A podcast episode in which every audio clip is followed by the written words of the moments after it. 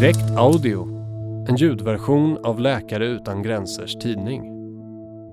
Intensivare extremväder och förändrade sjukdomsmönster.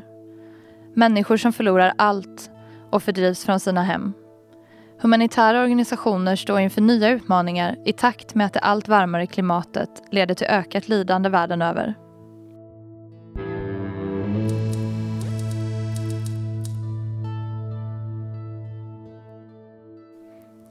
Forskningen är entydig.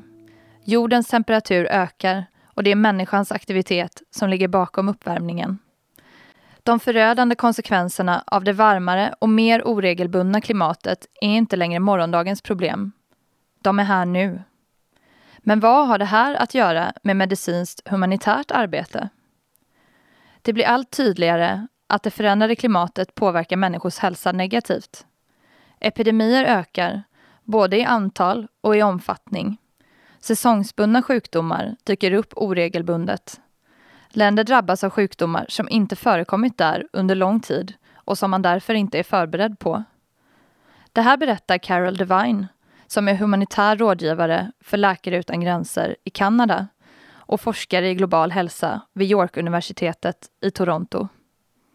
För två år sedan startade hon, tillsammans med en handfull kollegor, en arbetsgrupp med fokus på klimatfrågor inom Läkare utan gränser. Vad som började som ett småskaligt initiativ har växt snabbt och omfattar idag över 110 personer. Gruppen håller seminarier och utbildningar för Läkare utan gränsers personal men producerar även forskningsmaterial.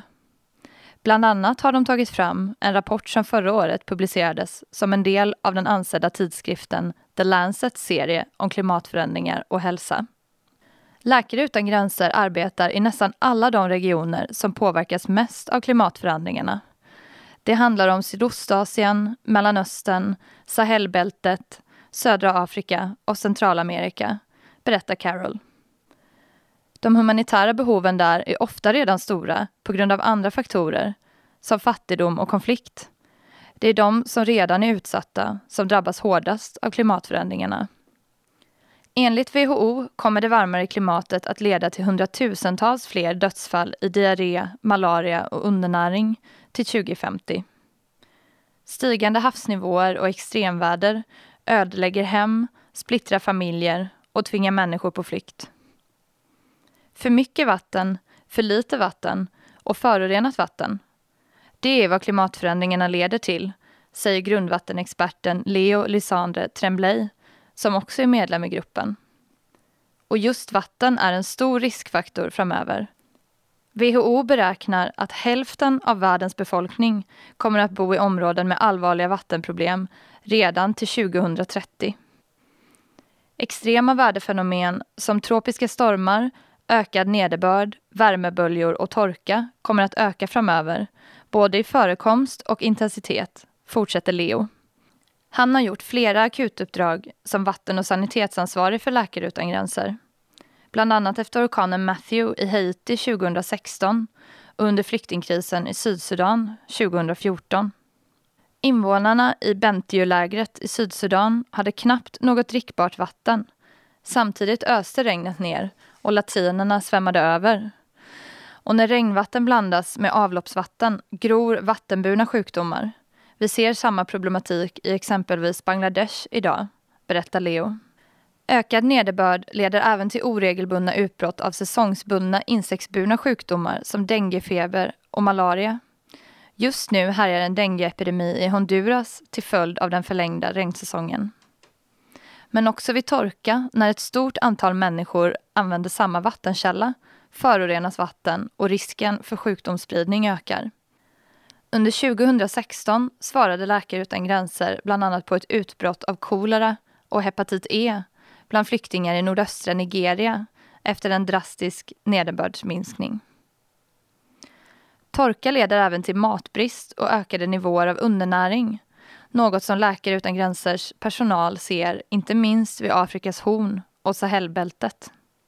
Under 2017 såg vår personal i Somalia och östra Etiopien att antalet barn med allvarlig undernäring var det högsta på tio år, berättar Carol. Vad som leder till en kris eller en konflikt är förstås komplext och påverkas av många olika faktorer. Men Carol betonar att effekterna av klimatförändringarna sätter ökad press på redan instabila områden. När den tidigare bördiga jorden förstörs står många jordbrukare utan livsuppehälle, vilket leder till att allt fler människor migrerar från landsbygd till storstäder. Mångmiljonstäderna är ofta hårt drabbade av klimatförändringar och föroreningar. Både på grund av deras geografiska läge, men också för att de är så tätbefolkade. I takt med den ökande urbaniseringen växer belastningen.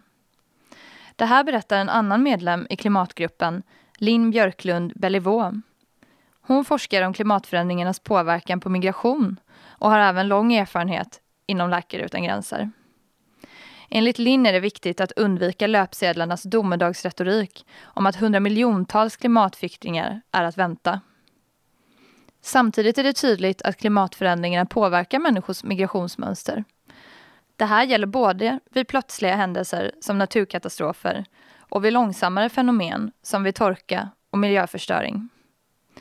De människor som förflyttar sig över landsgränser på grund av klimatet kallas ofta för ekonomiska migranter och har inga asylrättigheter.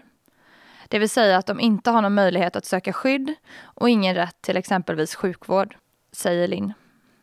Hon bedriver en studie om hur klimatförändringarna har bidragit till flyktingströmmen i Centralamerika.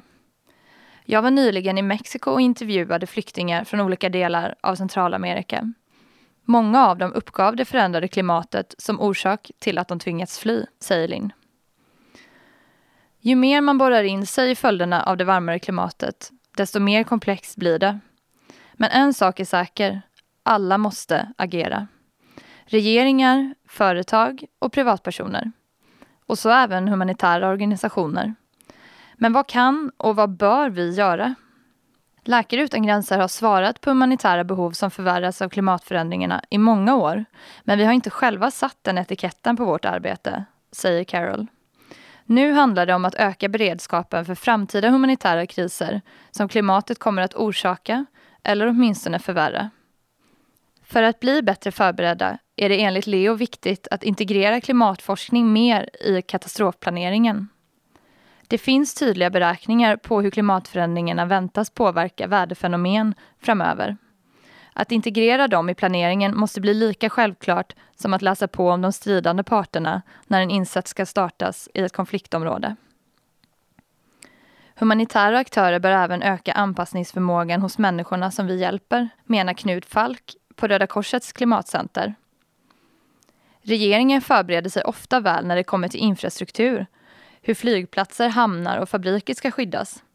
Utsatta grupper glöms ofta bort.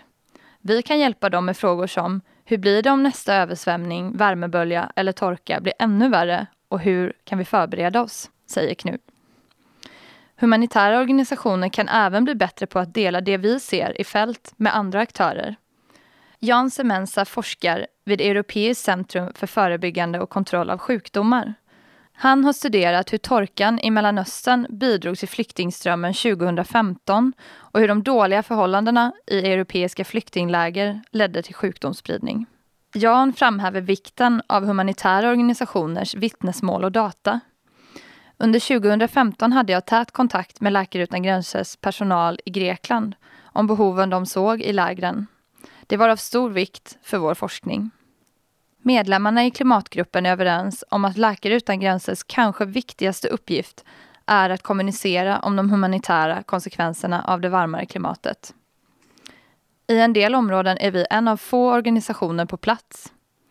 Genom att bära vittnesmål om hur våra patienter påverkas av klimatförändringarna kan vi fungera som en megafon för människor vars röster annars inte hade blivit hörda. På så vis kan vi utkräva förändring av regeringar, företag och privatpersoner, säger Carol. Den här artikeln ingick i Läkare utan gränsers tidning Direkt, nummer 2, 2019. Artikeln är skriven och inläst av mig, Sanna Gustafsson.